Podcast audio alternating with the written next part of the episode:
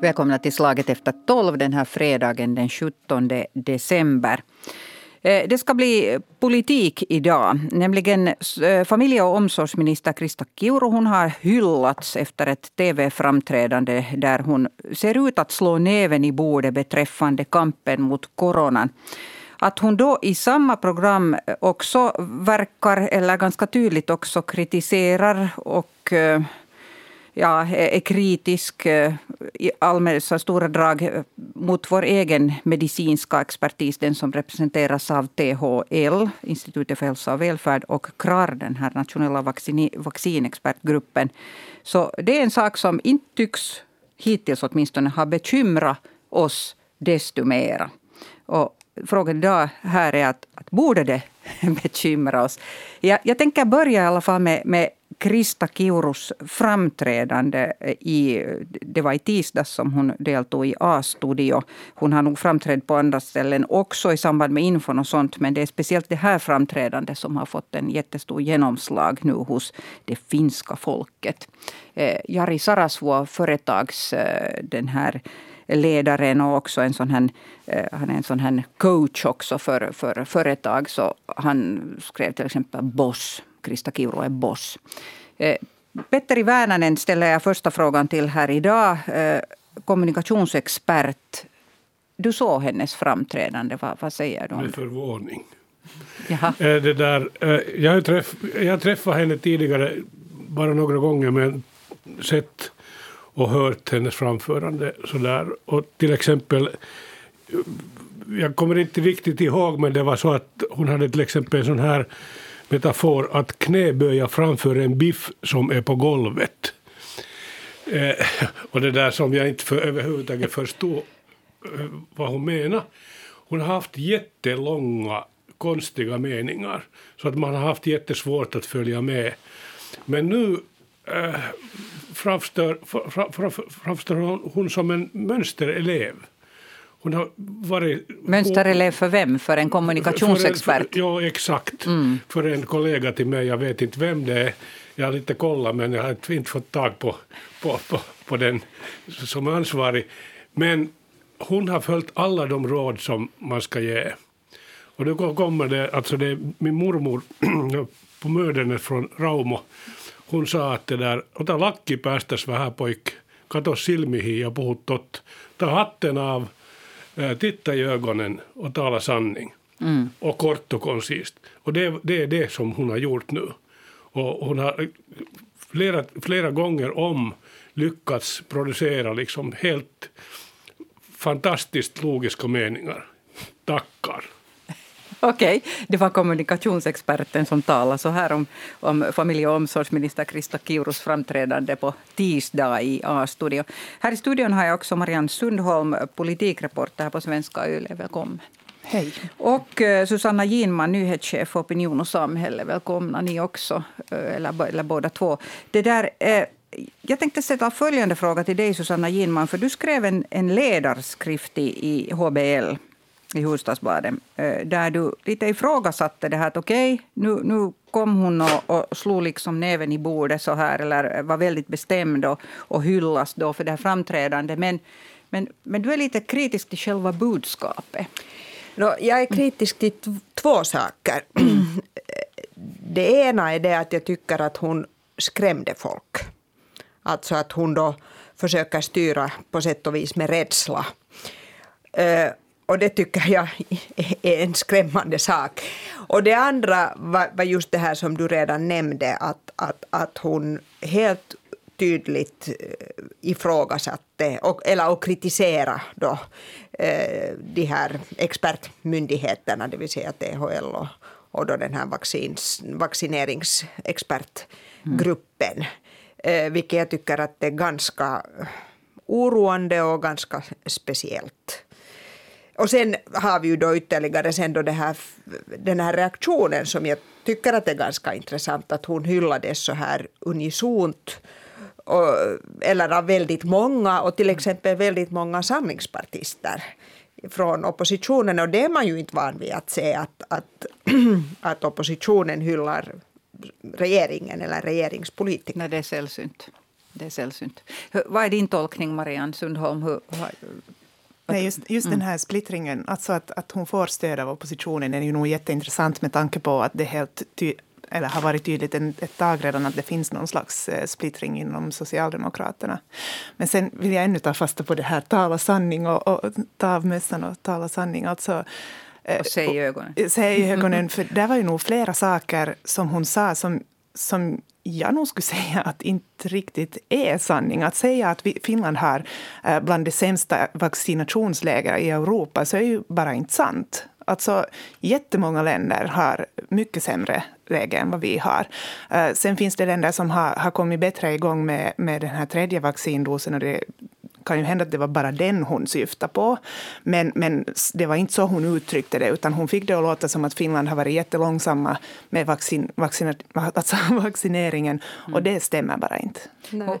Jag reagerar på samma sak, därför att en orsak till att vi kanske då har haft en mera utdragen tidtabell är ju att vi har haft längre intervaller, vilket då i sig har gett ett bättre skydd. Och ett mer långvarigt skydd. Ja, precis. Mm. Ja. No, no, det där, eh, hon sa också i den här beryktade intervjun så, så använde hon sådana begrepp som att hon sa att miljoner finländare eh, saknar, är på gränsen till att förlora sitt vaccinskydd. Och det, det är kanske det du talar om som rädds eh, sån här skrämsel? No, delvis det, ja. ja. Eh, Ja, du ville säga någonting Nej, där har hon ju fått mothugg nog av mm. vaccinexperter, bland annat Hanna Nohynekat. Ja. Eh, som nog var försiktig med att kritisera ministern i och för sig, men, men eh, nog kom med betydligt tryggare besked om att vi faktiskt eh, har många som är, är, har ett gott vaccinskydd. Och, och samma sa, så jag precis Asko Järvinen säga i en intervju i Helsingin Sanomat idag äh, om den här nyheten att omikron nu nu tar över i huvudstadsregionen. Att har du dubbla vaccin så har du ett bra skydd mot allvarlig mm. sjukdom. Men det som är oroande i, i det här fallet är att det där ministern går så, så att säga så starkt mot de här experterna. Och som Hanna Nohynek till exempel försökte hur ska jag säga, mycket milt berätta att det där läget är rätt bra i Finland jämfört med många andra länder som till exempel Sverige. Så att, det där, att varför just nu gå emot? Och då tycker jag att där finns liksom eh, spänningar inom det socialdemokratiska partiet. Och att, att eh, Sanna Marin har så att säga lite tappat greppet nu. Och därför så kommer hon så starkt fram och vill hävda sig. Och det där, i slutändan så ser vi en, en Antti Lindman som ordförande kanske. Här är, ju, här är ju det intressanta och det här går nu kanske lite sådär om vi tar just den här biten. Mm. Eh, Socialdemokraterna, och här går, går jag nog in på ett ganska spekulativt område men, men det sägs, det blev ju ganska jämnt då när, när de valde Antti Rinnes efterträdare, så det blev en väldigt jämn omröstning mellan Antti Lindman och, och mm. Sanna Marin som då segrade.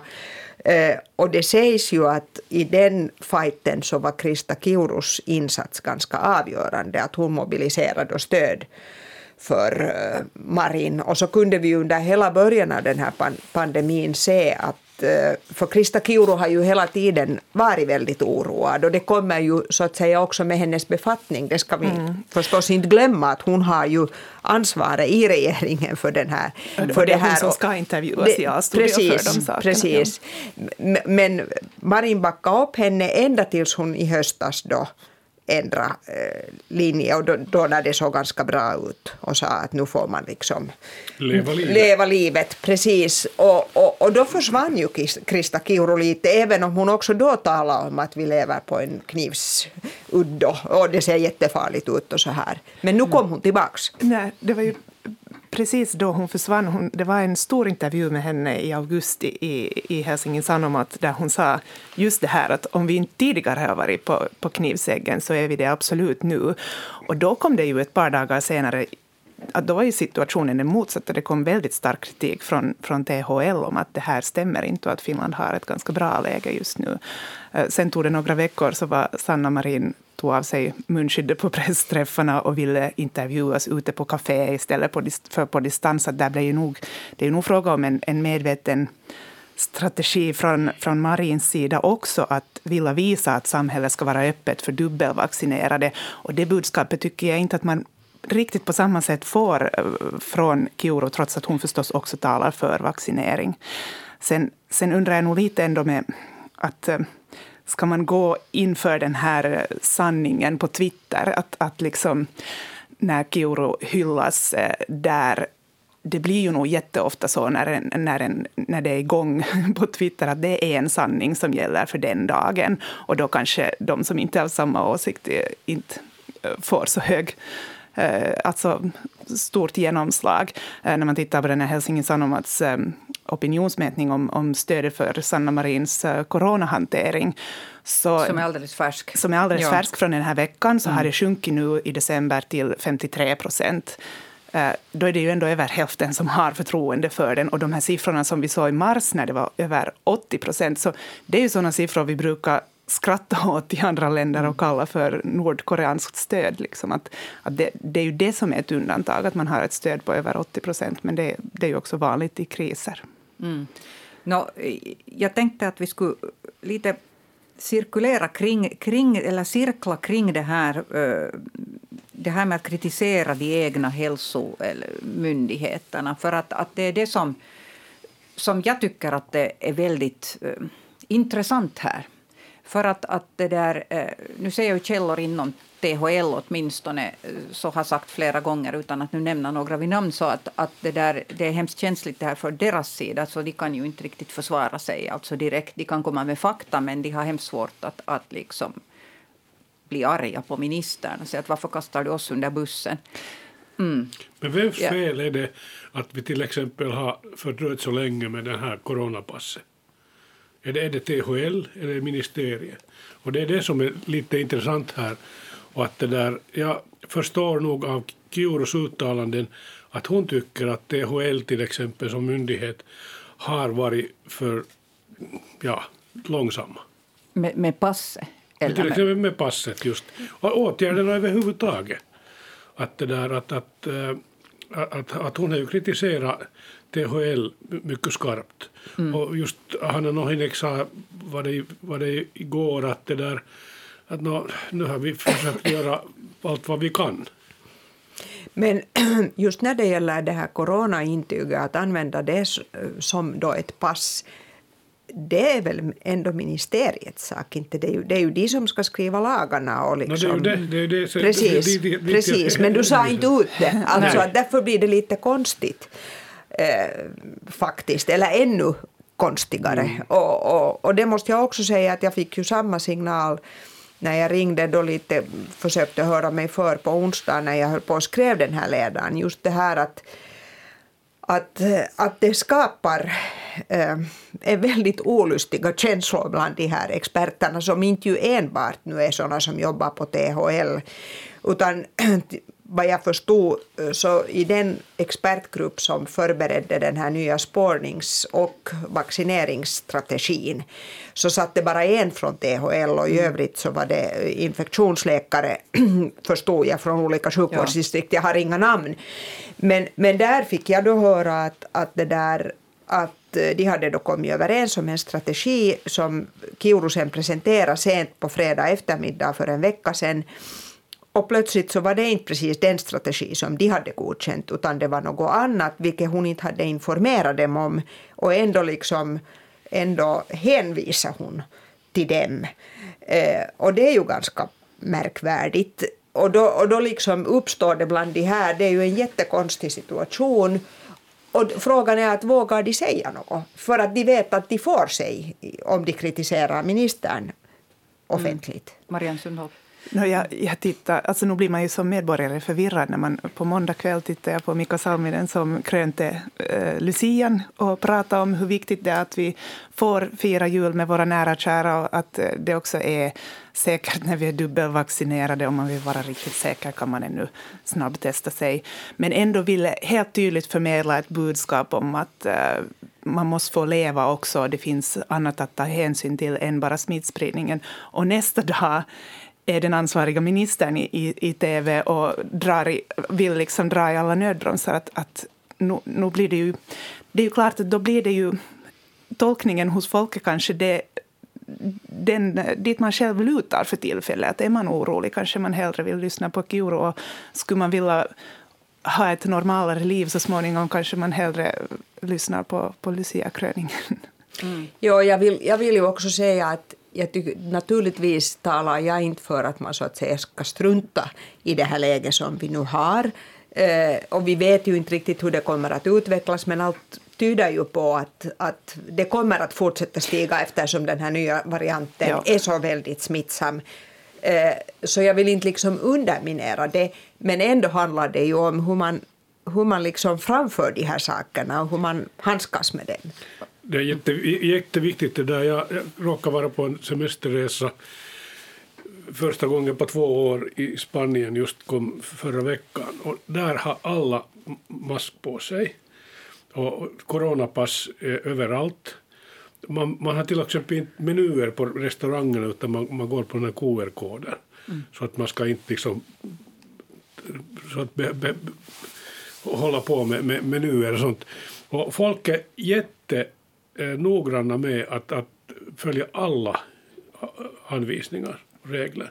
Och sen går man till Sverige, som jag inte har gjort nu, men tittar på bilderna och ingen har mask. Och sen har vi, vi är någonstans liksom mittemellan här i Finland. Och jag tycker det, på något sätt så tycker jag nog att vi borde gå med till en mer restriktiv linje här.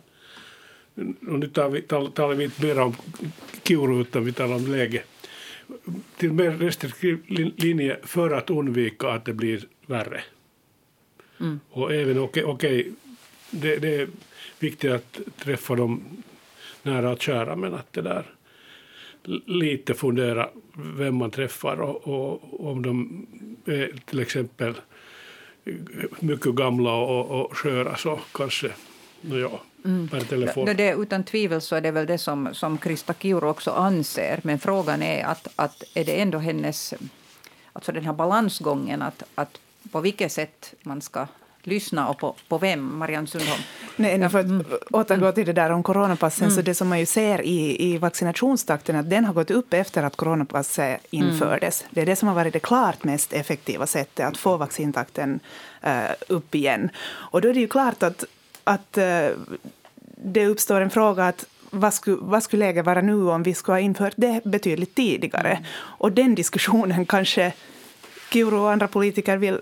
Alltså kanske det är lättare att tala om att vi måste få, upp, eh, få igång tredje dosen. Coronapass på Alko så 95 procent av oss har vaccinerat sig. Men jag måste säga att, att det som jag reagerade på i A-studio också var det att hon sa att um, hon uttryckte sig på det här sättet att, att ja, att de här myndigheterna de har nu, vi har nu, me ollaan nyt istuttu tämän päällä koko syksyn. Vi har nu suttit på det här hela hösten och liksom gjort ingenting. Och med tydlig släng till att det ja, var, det var bromsen, bromsen ja. var någon annanstans än på ministeriet.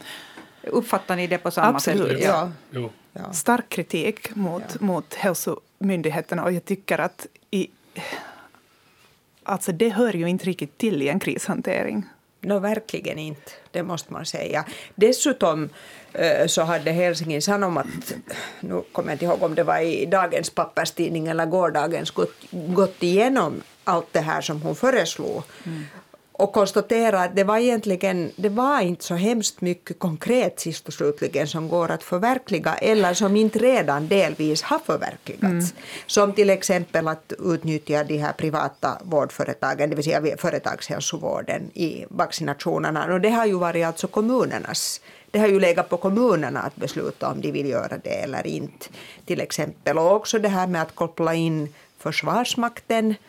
Lite ehm, oklart vad, ja, vad som menades ja, där. Jag, jag, ja. jag, vill jättegärna ha min tredje spruta men jag fick kanske ändå att det inte är bevär. Nej, jag ska inte spekulera i vad som menades här. Men just det blir lite, det blir liksom lite, det låter ganska sådär bombastiskt och att slå näven i bordet men sen när man det liksom plockar det isär så mm. är det kanske inte egentligen det. Och då, då liksom, vad som då återstår är just att ge den här bilden av att nu agerar man kraftfullt och nu är man en ledare och så här. Och det, det som har kommit fram nu i, vokabuläret hos oss, kasta under bussen. Ja, det är ett bra uttryck. Jag tycker där, om det.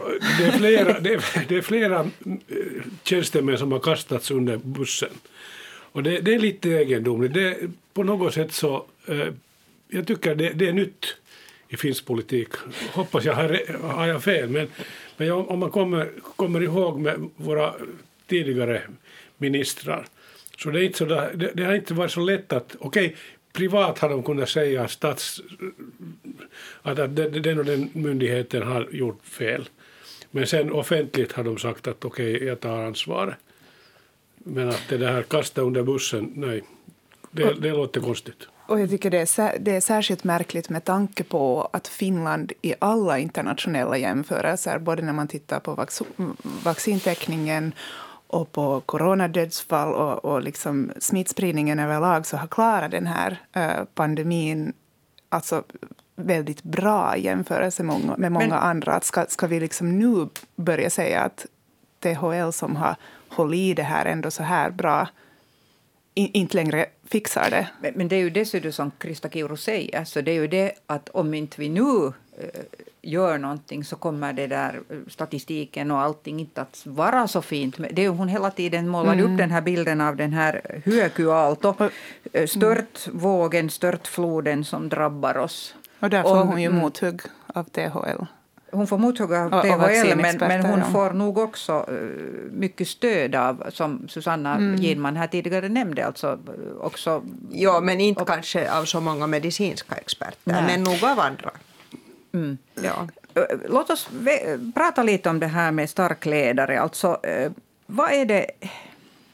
Vad är det här tecken på? Alltså, eh, hon kommer in i tv-studion, sitter stint och tittar på den som intervjuar henne rakt i ögonen och pratar i starka ord att nu kommer störtfloden och nu måste vi göra någonting och vi har suttit på våra arslen och inte gjort någonting flera månader och nu är det så här pam, pam, pam, det är sånt som folk begriper. Vill vi, vi vill tydligen ha det här i Finland, eller? Ja, det är raka rör som gäller. Det är det, det, det som vi vill ha. Och det, det, där liksom det, och det, det är lite tråkigt för att till exempel den här pandemin är ju inte så helt svartvitt heller. Mm. Utan, men, men vi vill ha kanske, som kommunikationsexperten säger, att vi, vi, vi vill ha starka ledare som kommer med mycket starka uttalanden och, och, och svartvita och säger så här ska det gå till. Det är därför Marin äh, har förlorat nu i förtroende. För att äh, hon har varit på barer och, och liksom inte varit så tydlig som tidigare. Hon var rätt tydlig tidigare tillsammans med Kiuru. Framförallt var hon väldigt synlig tidigare. Ja, och då, det var ju, och då måste man bara komma ihåg att det var ju i ett läge när man visste väldigt mycket mindre mm. om det här viruset. Jag menar fortfarande blir vi ju hela tiden överraskade och det ska vi ju också komma ihåg. Att det mm. där, vi vet mycket, mycket mer än vi visste våren 2020 men vi vet ju fortfarande inte allt. Och, en, och, och, då när man inte visste allt så då, då var ju folk verkligen rädda, vi var alla rädda. Och då satt det ju bra med det här att nu ska man hållas hemma och nu ska man inte fara till sin stuga och så vidare. Allt det här. Det var just raka rör, klart och tydligt. Gör så här, gör inte så här. Och sen har den där situationen ändrats och det går ju liksom som en sån här vågrörelse mm. hela tiden. Att det där, ehm, och, och, och, och man har det är inte mera staten och regeringen som håller i den här styrningen utan det är på regional nivå eftersom man där känner till bättre. Så att här är liksom hemskt många Men då känns faktorer. det för folk kanske att det är utspritt överallt och det finns så inte det, den här ja. ena stora upplysta ledaren Nej. som berättar för oss hur vi ska... Och det blir också lite förvirrande, jag menar, det måste man ju erkänna. Att det är men, lite svårt att hålla reda på vad som får, gäller. Men vill göra lite jämförelser med Sverige här, för att Marianne Sundholm var, var, du var ju eh, flera år i, i Sverige som, mm. som svenska Yles korrespond, Norden-korrespondent och du var där också då medan Anders Tegnell hade sina glansdagar dagar. Jag vet inte om han har det mer. Jag skulle men, påstå att han fortfarande har dem. Ja, men, är, är det så? Men vi, alltså, vi här utanför Sverige så tyck, kanske har inte sett att det skulle vara samma um, gloria som det var då, men kanske vi ser fel. Mm. Nej, den, det, men, men lite hör det ju verkligen ihop, som, som du nämnde Susanna, med synlighet. Att han, han höll ju pressträffar två gånger i veckan. Mm. och Sanna Marin hade väl nu hade hon en gång ganska, i veckan, en gång i veckan där. Ja. Och sen alltså att sluta sig bakom ledare i kris, det är ju inte någonting vi har gjort bara här. Alltså Stefan Löfven, som hade helt usla siffror i, i februari 2020. De sköt i höjden som en raket i mars när det var kris i landet. Att det var inte bara Anders Tegnell som hade mm. det här understödet. Det här har vi sett här i, i hela Norden, hela Europa, alltså över världen, att både statsepidemiologer och, och statsministrar, premiärministrar har fått ett, ett starkt stöd i början av krisen för att folk vill ha en, en, en stark ledare, som, som du säger. Jag menar, Mette Fredriksen i Danmark är också ett, ett väldigt tydligt exempel på det här. Uh, visst hade Erna Solberg i, i Norge också jättestarkt stöd i början. Att, de som meddelade att, att nu stänger vi ner samhället så fick ändå folkets uh, kärlek för att det var det man ville ha tills hon ordnade en födelsedagsfest för sig själv. ja, alla har ju. Äh, Mette Fredriksen har gått till mataffären utan munskydd och fått be om ursäkt för det. Så det, alla har också något Alla något har gått omkring och bett om ursäkt. Ja. Men, men det som är intressant med Sverige är att där var ju budskapet då eh, det andra, att man skulle leva på som vanligt och inte, inte vara fullt så... Det som, mm. det som jag tycker att man lite ser här nu är, är kanske lite samma diskussion, men i klart lindrigare, alltså klart eh, svagare. Men, men när man ser eh, kritiken eh, eller här, ska vi nu kalla det Kiuru-linjen, att mm. det är en tsunami av smittspridning på väg, så då handlar det ju uttryckligen om smittoläge och, och, och den liksom rent epidemiologiska synen på läge. Mm. Medan jag tycker att man där mellan raderna klart hör hos THL, som ändå har hela folkhälsan på på sitt ansvar och ska titta på mer än bara smittspridningen. Och, och vissa också, tittar man på Helsingfors stads äh, läkare vid epidemiologiska eh, verks, verksamheten så poängterar de det här att det finns också negativa sidor med, med, att till exempel hålla barn hemma från skolan. Att för barn som blir lindrigt, eh, lindrigt sjuka så är det kanske viktigare att de får vara i skolan än att de hålls hemma i karantän. Det har THL också sagt på sistone. Ja, och, och, och det, jag tror att det mera den här, disku, mm. den här diskussionen kommer vi att se klart mer av, särskilt om det nu är så med den här omikron att den, att den sprids supersnabbt och, och liksom lättare än, än uh, hittills. Mm. Men folk inte blir allvarligt sjuka för att, de har, för det finns ändå trots allt ett högt vaccinskydd så, så måste vi i allt högre grad ta ställning till det här. Och nu är det ju svårt i det här läget förstås att säga hur illa det är om några veckor. Och det är ju det här som eh, THL, bland annat myndigheterna och också KRAR, så har poängterat att vi vet inte tillräckligt mycket Nej. ännu om det, just det här omikron, att vi måste att lite is i hatten och, och ta det lugnt. Men, men det, där, eh, det var därför jag ville göra den här jämförelsen med Sverige, för där har det från början var det då en, en statsepidemiolog som eh, styrde. Den bilden fick man. Och, och sen så följde regeringen ganska plikttroget det som... som eh, hos oss har det mera kanske varit mm. det att det ändå är eh, de här och i många länder har det myndigheterna som har varit mera rådgivande. Ja. Och sen har regeringen ändå varit den som utformar den här Sverige har, har hela, ja. alltså, jag vet inte hur många pressträffar som vi frågar om det där, att vem styr riktigt? Och, då, mm. och hela tiden konsekvent hänvisar de svenska ministrarna till att det är folkhälsoexperterna som vet bäst. Ja, men, ja, okay. här är det inte mm. också så att, det, att de har ju De har ju uttryckligen annat... förbud mot mm. ministerstyre. Precis, ja. att det, det är det myndigheterna också. som ska styra. Där ja. är, det är skillnaden det mellan Sverige och Finland. Det är stor skillnad där just. Ja, det är lagstiftningen det gäller på. Ja. Men jag tycker att det också att det, att det faktiskt liksom det var det budskapet de ville så starkt mm. komma ut med. Att, det, att eh, också säga åt folket att lyssna på mm. Folkhälsomyndigheten. Men, men jag måste ta i, alltså om vi talar politik här nu så tänker vi så här att då när den här regeringen tillträdde så man, man hade tidigare eh, skällt här på Sipiles regering och allt det här med att, att, att, att ni, det där, eh, ni lyssnar inte på vetenskapen utan ni går bara på, på er egen filis och på, på politik. Och, ni känner, och nu sa man uttryckligen att den här regeringen går alltid med vetenskapen först och expert. Det liksom, ser man ju klimatfrågorna till exempel. Ja, och det står i regeringsprogrammet. Ja, det gäller nog säkert alla frågor och inte bara ja. expert, alltså klimatfrågan. Mm. Så eh, hur ser det ut nu det här då att, att ansvariga ministern sitter och säger att de har bara suttit på sitt arsel i två månader. No, hon sa nu inte exakt så, men ungefär det kunde det läsas mellan raderna. Ja. Nu får jag säkert stryk för det här, för som Susanna har också fått lite stryk för sin ledare. ja, så jag. Mm, ja, ja. Wendel, ja. Nej, alltså det är klart, jag tycker att det ser väldigt konstigt ut. Och förstås så finns det ju också eh, olika åsikter bland de medicinska experterna. Men min uppfattning är åtminstone att de som liksom har upphävt sig mot den här eh, rådande linjen, så de är inte experter precis just på den här medicinska frågan, utan de är kanske andra eh, mm. liksom läkare med en annan expertis. Att, att det där, visst ser det konstigt ut, tycker jag. Vad tycker du, Petter i? No, lite konsekvens borde man ha här på något mm. sätt. Att, att, ja, medborgaren blir nog tilltrasslad här. Ja, mm. vi är nog lite förvirrade när, när, när det där, just, just experterna och sen ministrarna har olika åsikter. Och, och där tycker jag nog att, att det där, man borde gå enligt eh, expertisen.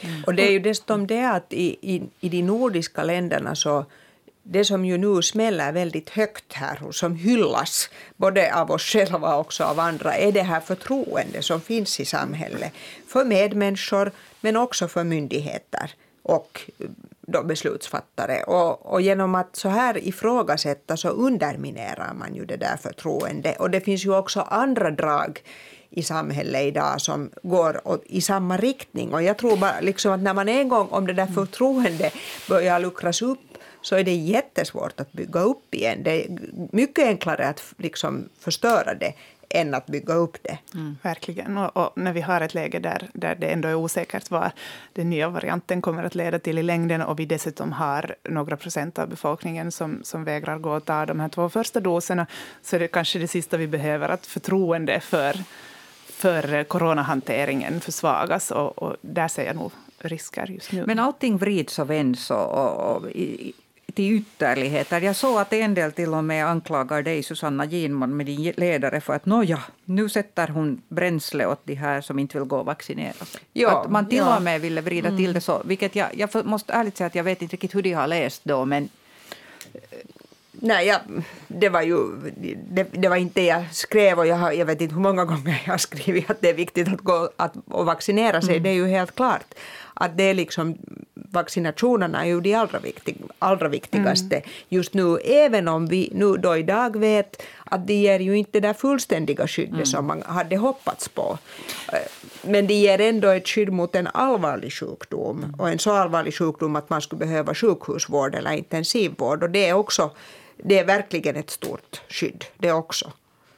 Det, det, är svåra frågor. Det, här, det, det, är ju det också att de här målstolparna har flyttats många gånger. Att det var ju i, tidigare sades det när 80 procent har vaccinerats och nu har vi gått förbi det. Så då, då är det allting liksom bra och då är det normalt. Och sen så nu är det, vad är det 84 procent eller ja, eller, nu tror jag, ja, Min mm. uppfattning är nog att nu, nu inser man att, att även om 100 procent skulle vara vaccinerade mm. så finns det ändå liksom en den risken att någon kan få den här sjukan, eh, men den får den i lindrig form. Ja, och jag, jag skulle nästan önska att, att någon skulle säga det rakt ut nu, att det, du kanske kommer att få corona och just därför måste du vara vaccinerad. Precis, men, att sluta liksom behandla ja. det som någonting som kommer att, att eh, försvinna. försvinna. Nej, men jag tycker när... att de säger det. Jag tycker nog att vem de här experterna de? säger vem, vem är det som borde säga det? No, allihopa. Kiuru. Alltså minister, Kiuru gärna, men, men alltså ansvariga ministrarna och, och... Du menar att det skulle hjälpa? No, ja, det skulle hjälpa om, om det var unisont. Och om, om mm. hela regeringen så, så, så, att säga skulle liksom vara enig om den här saken. Men tänk för några månader sedan så var Nyland, alltså det var polisspärrar kring Nyland till exempel. Så nu har det ändrats hemskt mycket under tiden. Så vi har varit tvungna att, att äh, leva med det här och kommer nog att leva med ganska många år tror jag nog, tyvärr. Mm. Och det, sen, ja, Sen Men, uppstår ju i något skede nog någon sorts immunitet också, även om det här viruset säkert tar ny form och kommer på nytt och så här. Men eh, senaste nyheterna från Sydafrika som jag läste i morse var också att, att det där, nu börjar det ju gå neråt där. Det här. Och då tolkar man det så att det är så många som redan har mm. också haft den här sjukdomen. Även de som har haft det utan symptom har haft det. Så, så det där, det börjar, det, det går spikrakt upp och så går det nog också ganska fort neråt. Men, men det där, lite andra färska nyheter här helt kort så hinner vi notera att eh, någonting tycks ha hänt i och med det här käbblet. nog i alla fall. För att när man upprättar sådana pop-in eh, vaccinationsställen, eh, Kotka är ett och så var det i Raseborg, både i Ekenäs och Karis, så blev det så långa köer att i Kotka tog vaccinet slut som de hade reserverat för det här. Och i i Ekenäs och Karis var stadsdirektören olycklig nu och sa att, att no, dit har nu kommit såna människor som redan har tidbeställt i typ januari och nu fick de mitt i allt jättebråttom så de kom på en pop-up istället fast de har en tid beställt. Och så kom det folk som tidigare har hoppat över sin vaccinering så kom, dök nu som hade en tid som de inte har bokat men dit kom inte och nu kom de istället. Så mm. för att göra en lång historia kort, någonting tycks hända. Ja. Är det här nu Krista Kiurus fel eller förtjänst? Hur ska vi se på det? No, är det beror det på, på skräck, skräckbudskapet eller beror det på att, att du måste ha de här vaccinpassen och, och det vet vi inte. för att komma in? No, verkligheten är ju ofta sån att det kan det måste vara antingen eller, utan det är ja. antagligen både och. Mm. Jag tror att de här passen är, har varit mycket verksamma. För att folk har insett att, att om, om de vill gå till restaurang eller ut så måste de ha det här passet och då, då är det bara att gå och vaccinera sig. Och det syns ju i många länder, ja. precis det. Ja. Och sen är det, men sen är det ju också ett faktum att som jag som har då en bokad tid för min tredje dos eftersom mm. jag är över 60 och befinner mig i en av riskgrupperna till början av januari så jag inser ju att att jag ska nog minimera mina kontakter nu för att det, mm. det verkar vara klart att det där skyddet just under den här sista månaden kanske då inte är så starkt. Och det, det ska man också inse. Mm. Okej. Okay. Jag vet inte hur mycket klokare vi blev, men vi vet att, att inom politiken så pågår den här diskussionen och jag tippar på att den pågår inom regeringen också för att, att det kan inte ha gått regeringsparterna osett förbi att vi nu kommer att drabbas av en stört flod. Jag skulle ha lust, vi spelar inte musik i det här programmet, men jag skulle ha haft lust att plocka fram Antti Tuiskus Hyökyaalto. som jag undrar att ingen redan har gjort någon sån här rolig gimmick på det, för att det var en hitlåt för några år tillbaka. Det är nya modeordet, alltså Hyökyaalto, störtvåg, störtfloden. Det Ja. Weitcenter eller helt läst? Eh, det, det, det, det, det har farit redan. Eh, Marianne Sundholm, Petteri Värnanen och Susanna Ginman var det som gästade Slag efter tolv idag. Mitt namn är Bettina Sågbom och nu tar vi veckoslut och på måndag är Slaget tillbaka med nytt ämne och ny programvärld. Ha ett skönt veckoslut. Hej då.